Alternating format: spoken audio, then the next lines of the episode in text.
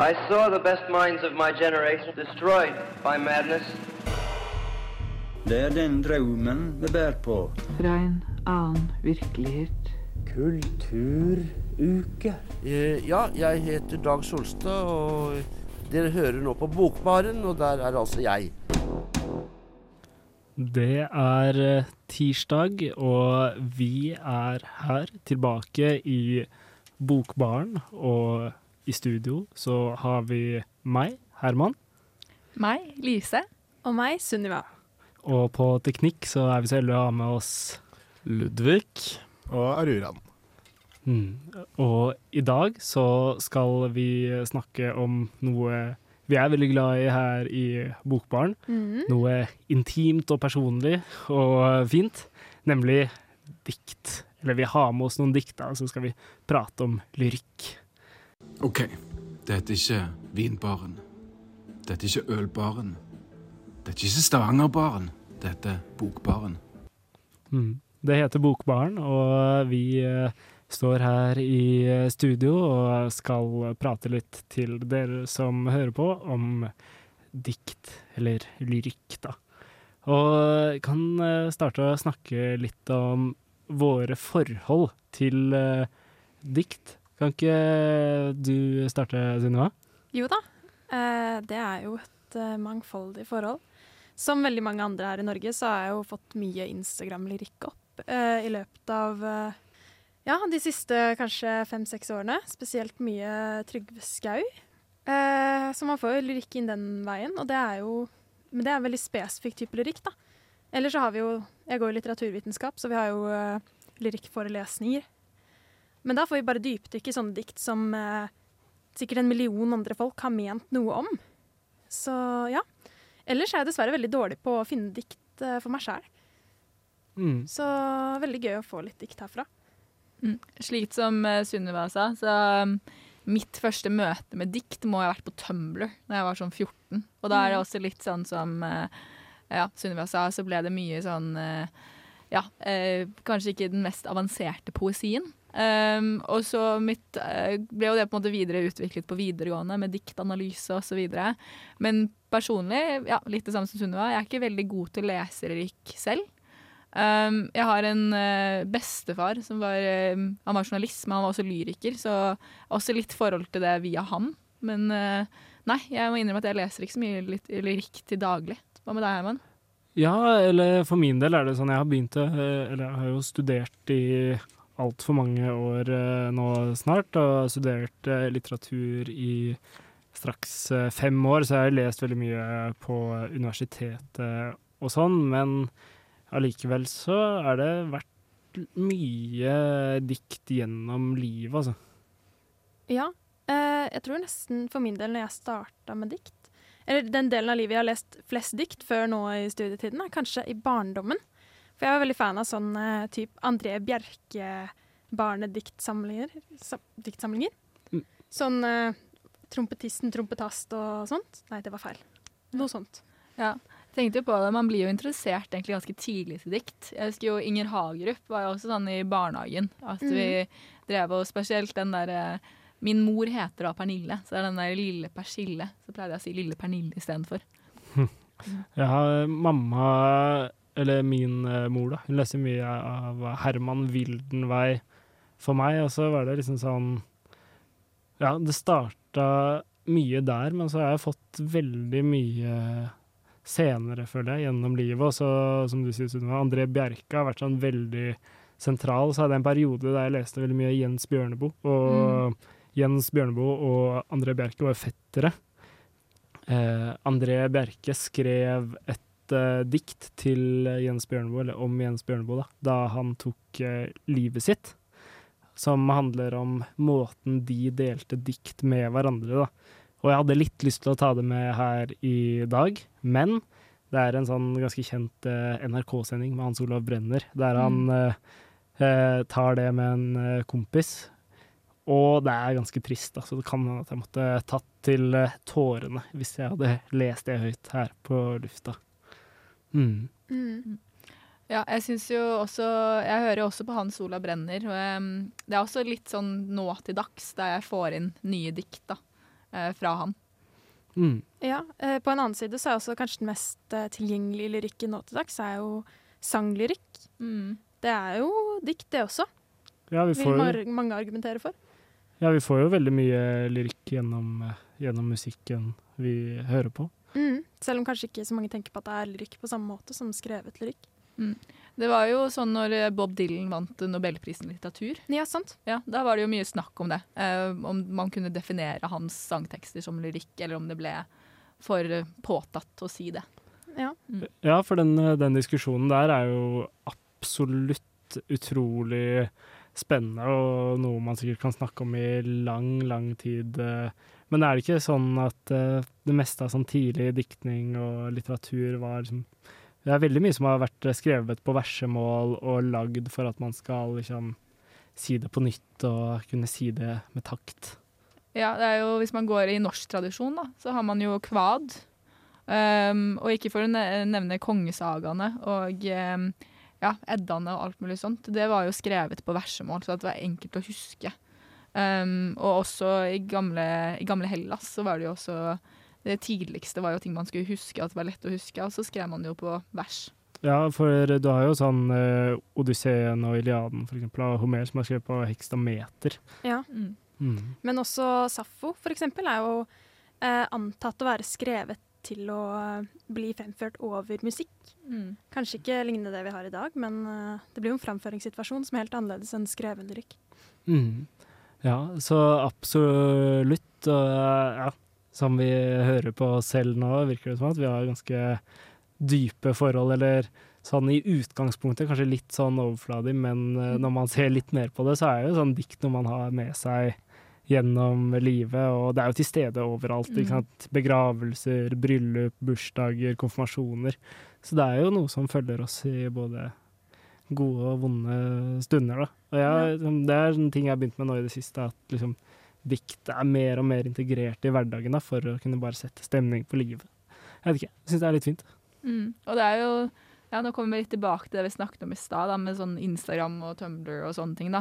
Det er jo på en måte, det er også en veldig tilgjengelig type lyrikk. Det er jo veldig mange eldre mennesker som hver dag poster motivational quotes. Man kan jo se på det som en type lyrikk. Ja, absolutt. Og så ser man jo liksom også de eh, For å eh, For å kanskje løfte frem denne Instagram-poesien, da, eller knekkprosa, som du har lært meg at det heter, eh, Sunniva, Ja. så er jo det liksom Det er i hvert fall en måte Vet ikke, hvis man kan være så direkte og si sånn Hverdagsmennesker møter poesien på, da. Hvis man kan kalle det poesi i det hele tatt. Men Ja. det er også en annen diskusjon. Ja, det var jo litt det vi, vi snakket om før sending, da. Um, Sunniva tok opp, var om dette her om det var elitisme eller ikke. Hvis man plutselig ble veldig opptatt av at det ikke var poesi. Um, men det vi egentlig ble litt enige om, var jo at man kan jo kalle det poesi og være enige om at det er varierende litterær verdi, da. Mm. Hei, det er Junidar. Les Ibsen og lytt på Bokbaren. Ja, eh, dere må lytte på Bokbaren, altså. Men eh, vi eh, prater fortsatt om eh, dikt, og det, vi har med dikt til denne sendingen. Og det er du som skal eh, starte å lese og fortelle oss litt om ditt dikt, eh, Lise. Ja, det stemmer. Um, og hvis du hørte på forrige eh, sending, så hørte du om min kjærlighet til Lars Saabye Christensen. Og da måtte jeg faktisk ta med meg et eh, dikt fra ham i dag. Han er vel kanskje først og fremst kjent som romanforfatter. Men han deb debuterte faktisk med en eh, diktsamling eh, som het 'Historien om gly'. Uh, og han har jo også selv sagt i senere tid at det, jeg er jo egentlig lyriker. Um, den diktsamlingen jeg har med meg, den heter Byens bokstaver og blir gitt ut i 2020. Og den blir gitt ut egentlig litt i Litt sammen med uh, slutten av Byens spor. For um, ideen hans var vel nok at han hadde fortalt denne historien om denne familien. Og nå skulle han fortelle historien om byen, da. Som han også fortalte jo litt i Byens spor. Uh, og det diktet jeg har valgt fra denne diktsamlingen, det heter Trofasthet. Du skal ikke sammenligne by, din by med andres byer. Det hører ikke hjemme noe sted. Heller ikke borte. Det kan dessuten falle uheldig ut, og da blir du pent nødt til å flytte. Du skal heller ikke bare ta til takke, som om byen er din skjebne, selv om det også kan være tilfellet. Men da skal du huske på at byen også må ta til takke med deg, og på den måten er dere skuls. Derfor skal du ikke sammenligne din by med andres byer. Det har ikke noe for seg. Det vil slå tilbake på deg selv. Du skal heller gå i gatene, sitte i parkene og vente på holdeplassene som om hver gang var den aller siste. Yes. Mm.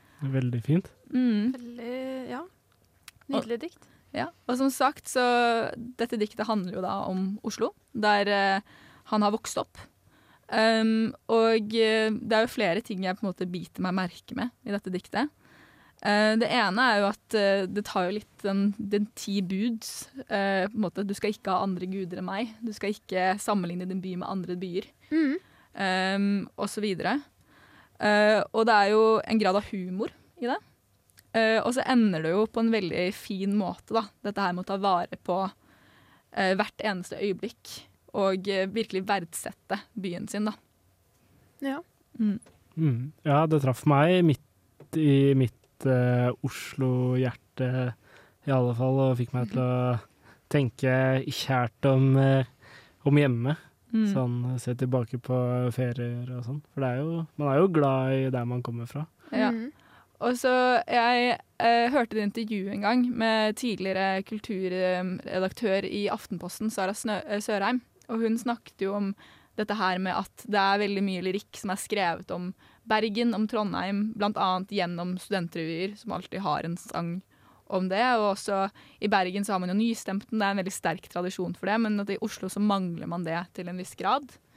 Um, og, det hun, og da mente hun at uh, Oslo-folk er så dårlige på å være stolt av det å være fra Oslo, fordi de ser på det som en selvfølge, Mm. med hennes uh, argumentasjon der. Og det kan man jo egentlig si litt med Lars Aabye Christensen òg. Han argumenterer jo egentlig aldri hvorfor Oslo er så bra. Han sier bare det rett ut, at dette er et fantastisk sted å vokse opp. Ja. Mm. Ja, jeg, jeg tolka jo litt inn i det på en måte. At uh, det handla litt om å være fornøyd. Ikke nødvendigvis bare med byen, da, men det du Mm. har. Og ikke legge altfor mye kritikk der du allerede er. Mm. Eller i det punktet i livet du allerede er. Uh, og heller bare Ja. Ja, akseptere litt, for det er jo, det er jo sånn da, at sånn der du er født, det er jo ikke noe du kan gjøre noe med, og sånn lengsel og drømmer bort på noe annet, det er jo noe som treffer oss eh, fra tid til annen, i alle fall eh, meg, at jeg skulle, ja, kanskje ønske at jeg, eller i hvert fall i oppveksten og sånn, jeg tenkte kanskje, ja, jeg skulle ønske jeg var fra et annet land, eller Mm. en annen by, eller var et annet sted, men så er det jo ikke så mye å gjøre med det man liksom har, da. Ja, Mm. og det treffer jo kanskje studentene enda litt hardere, spesielt de som har eh, ja, ikke bor der de bodde når de vokste opp, da. Mm. At man tenker litt tilbake. Litt sånn nostalgisk eh, om barndommen. Mm. Ja, for det er jo liksom sånn der, sånn slags fenomen, da, for jeg føler at de fleste jeg møter her i Trondheim som eh, student, de er jo ikke fra byen uh, sjæl, og de har jo med seg Eller studentene har jo med seg der de kommer fra i bagasjene, og det tas inn i studenttilværelsen. Mm. Og en annen ting jeg syns er litt fascinerende med, måte, dette, med dette diktet, som blir satt i sammenheng med diktsamlingen, at det heter jo 'Trofastheten'.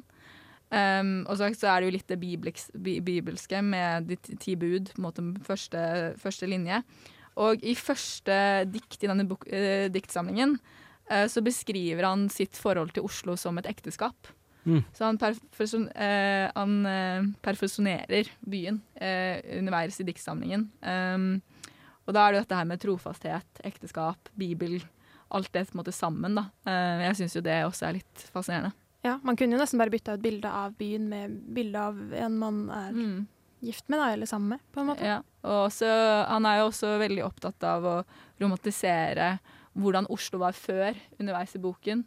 Ja. Um, og da, men han kommer alltid tilbake til det at uh, Men jeg er veldig glad med hvordan det er nå òg, da. Og det er jo også noe han på en måte Når han snakker om å ikke sammenligne din by med andre byer, så tenker jeg også at han kanskje selv tenker at han ikke skal sammenligne Oslo så mye med hvordan det var før. For det kommer alltid til å falle litt ned for sine tidligere minner. Mm. Ja.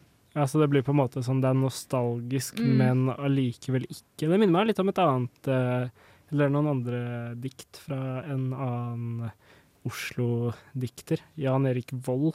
Mm. Han har en sånn diktsamling som heter 'Mor Godhjertas glade versjon ja'. Og der han har sånn trikkeskinnedikt, og det er Mm. helt Det er jo nydelig. Det er faktisk veldig gøy, for det, jeg ser ned på notatene mine, Herman, så står det akkurat det. Er det sant? Ja, ja, ja, for jeg tenkte på akkurat det samme. Det er også et veldig flott uh, Oslo-dikt. Mm. Ja, jeg pleier å lese litt i den eh, når, eh, når jeg er hjemme, ofte Mm. faktisk. Den står lett tilgjengelig hos eh, min, min mor og far. Og så er det sånn at han dikteren jeg skal prate litt om etterpå, er jo også godt kjent med Jan Erik Vold. Men det Mm. var en liten anekdote som vi ikke trenger å Nei. utdype. Mm.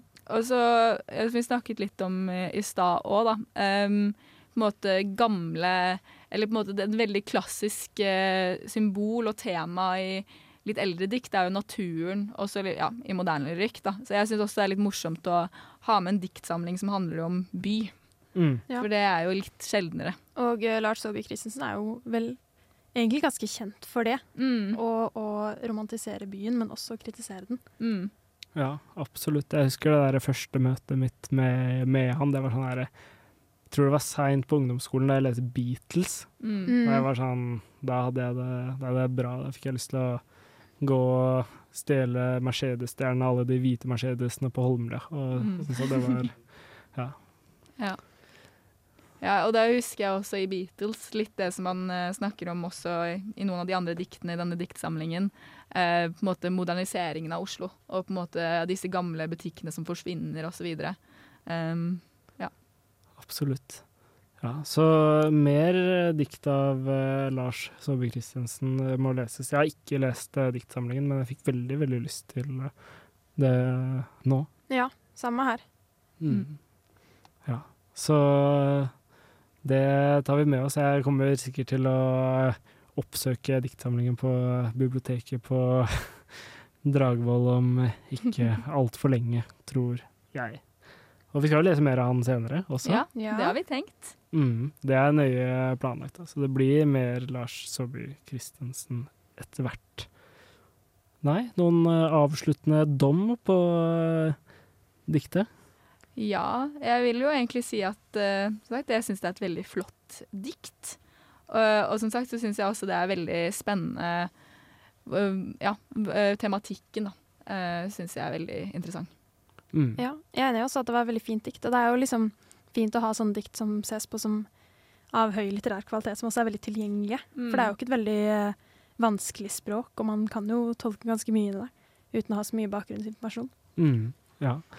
Uh, hei, jeg heter Zishan Shakar. Du hører på Bokbarn på Radio Revolt. Ja, du hører fortsatt på Bokbarn på Radio Revolt. Vi er her på Lukasbygget på en eh, tirsdag kveld og leser dikt for dere som hører på. Og nå kan jeg tenke meg at dere andre i studio er veldig spent på hva det er jeg skal lese for dere. Ja, kjempespent. Mm. Så jeg har valgt ut noe Jeg har fått et ganske Eller en nyoppdagelse, vil jeg kalle det. Og jeg skal lese dikt av en eh, fyr som heter Georg Johannessen. Og han fant jeg først ut om for noen år siden. Og det var fra en sånn liten eh, Ja, et lite utdrag av en Knausgård-bok, der han skriver om at han var med i studentradioen i Bergen og skulle intervjue en kjent forfatter som jobba på universitetet, som het Georg Johannessen. Og det liksom, ja Hadde hørt det og tok, gjorde ikke så mye mer ut av det. Og så til jul i fjor Ikke det har vært jul i år, men til jul i fjor så fikk jeg en bok, og det er eh, Georg Johannessen, 'Dikt i samling'. Og den fikk jeg av eh, stefaren og moren til eh, kjæresten min. Og så begynte jeg å lese diktene hans. Og så leste jeg en biografi som var veldig lang, men veldig bra. Og så har jeg begynt å lese en sånn artikkelsamling da, som heter 'Om den norske tenkemåten'. Da. Så jeg har fått en helt sånn Georg Johannessen-mani, da. Men i denne diktsamlingen, da, og den er liksom Det er alle hans dikt, da, men den første heter Dikt 1959, og diktet jeg skal lese for dere, heter Sletten, da. Og det syns jeg var ganske fint. Så nå kommer det. Sletten av Georg Johannessen. Vi går på den evige slette og prater om skyer og strå. Jeg legger merke til ditt legeme flette seg inn i alt jeg så. Jeg vet ikke lenger forskjell på denne drøm og din sjel. Splitt meg i gress og himmel, men denne drøm er hel. Så det var det diktet. Veldig flott. Hva sa du at det het igjen? Det heter Sletten. Mm. Så det er Ja, han er jo kjent for å være litt sånn kryptisk, og i anmeldelsen av diktene så er det liksom sånn her Ja, det her er det ingen som skjønner, liksom, og sånn. Men allikevel eh, så er det jo liksom Det grep meg ganske mye, og jeg har hatt en sånn periode i livet der jeg bare sånn Følt på mye, mye glede Mm. og ja, hatt det, hatt det fint. Så det var liksom den derre Ja, at ting flettes inn i hverandre, og at eh, Ja, at ting hører sammen. Mm. Ja, for det første jeg tenker på når jeg hører det, er jo at det er et kjærlighetsdikt. Absolutt. Um, ikke bare til det legemet, men egentlig nesten litt til livet òg, da. At Mm. uh, når ting bare flyter. Det er jo en fantastisk følelse. Mm. Ja. Det, er jo, det gir jo litt uttrykk for liksom en type lykketilstand da, som man kjenner på innimellom. Mm. Uh, Ja, det er liksom det. Jeg tror det er sånn jeg som Selv så bare var det sånn her Jeg har flytt veldig Eller ja, flytt veldig mye på sånn en slags sånn lykkerus, at liksom ting glir inn i hverandre, da, og som bare sånn tilværelsen blir veldig bra, og det er litt uh, deilig, da. Jeg føler den bes det beskrev veldig godt den situasjonen, da. Så er glad jeg valgte det i dag. Det sto mellom det og et ganske dystert dikt. Så nei, syns denne tirsdagen fortjente et litt Ja. godt et. Ja, kjære lytter, Herman leste det diktet til oss i stad, og ja, det var dystert. Så det Ja, det er et annet dikt av uh, Georg Johannessen som uh, handler om uh, holocaust i eh, Polen spesifikt, da, som heter Jødisk partisansang. da. Veldig, veldig vakkert, men veldig, veldig dystert. da. Så vi må jo si at det kan anbefales. Ja. mm. Ja, absolutt. Men tilbake til uh, det dikt du leste. Uh, som, hvis man tenker på det som en uh, romantisk kjærlighetserklæring, så er det også ganske nydelig. Det er jo, jeg føler ofte at når man leser sånn kjærlighetsdikt, så blir det litt kleint. Mm. Det blir litt mye klisjeer. Eh, og eh, da tenker jeg, hvis noen hadde sagt det til meg, så hadde jeg vært litt sånn øh, på en måte. Men denne her, det var nydelig og originalt. Hvis det er eh, Jeg liker spesielt det bildet med å gå sammen på den evige sletten. mm. Um, for jeg syns det Ja, det sier jo noe om at man har lyst til å være sammen for evig, men også det med at man når man først går på en slette, det pleier jo å være ganske flatt. da, At man har en ganske enkel vei Mm. når man først er sammen. Ja, og så kan man jo da se på den sletten som livet. Mm. Og på en måte at denne, denne elskede personen blander seg så godt inn i livet at man ikke vet hvor den personen ender og hvor livet begynner, Mm. er jo også et ganske vakkert bilde. Ja, absolutt. Så, så ja, det er sånn godt å beskrive det. Og det er litt sånn morsomt med han uh, Georg Johannessen, er det at eh, han eh, selv var sånn Han var veldig sånn ambivalent til det å være forfatter og sånn, for han var jo også Han var politiker, veldig venstreorientert i forskjellige ja, han var, han var medlem av alle mulige partier, og han var med i ja, det som nå er SU, liksom i ungdomsparti, og han var en av de første Miljøpartiet De Grønne-medlemmene i Norge, og han var Arbeiderpartipolitiker, så han var med på, var med på det meste, da, veldig opptatt av å være sånn sånn herre manne, mann, da, litt sånn konservativ. Ja, født eh, litt tidlig og på 1900-tallet, da, så absolutt. Så da han ble forfatter, var det et eller annet han skrev eller noe sånt. Jeg har blitt forfatter, og det vil si i andres øyne at jeg har blitt kvinne. Og det var liksom det, Det er hardt å melde, holdt Ja, på å og veldig teit sagt, da, men det er liksom veldig Og han eh, tror han skammet seg litt over det, men allikevel da, så tjente han veldig godt på det. Han ble sånn herre statsstipendiat Mm. og professor, selv om han ikke hadde skrevet doktorgrad. og veldig sånn Ja, det er jo rart å skamme seg over å skrive så pene dikt, da. Ja. På en måte. For jeg syns de er veldig fine. Ja. Ja, og spesielt å kunne uttrykke ja, sånn kjærlighet og glede, da. Og synes at det er et, ja, en kvinnelig egenskap, og derfor noe å være flau over. Det er jo ja, Altså, det er jo følelsesmessig, da, så på den Mm. tiden kan det jo hende at man tenkte at det var litt, litt for mye følelser. Mm. Mm, absolutt. Og det er bare sånn Ja, det er sånn teit når man Eller veldig sånn Det er noe man bare kan le av i dag, Ja. eh, fordi at det er sånn Ja, hvem som helst skal få lov til å uttrykke kjærlighet. det er jo Ja, men det er eh, Men ja, veldig morsom karakter, så jeg anbefaler også eh, biografien Ja. om Georg Johannessen, hvis man har lyst på et innsikt i et eh, ja, spesielt levd liv. Ja. Ja. Så det var det. Om det diktet. 'Sletten' av Georg Johannessen.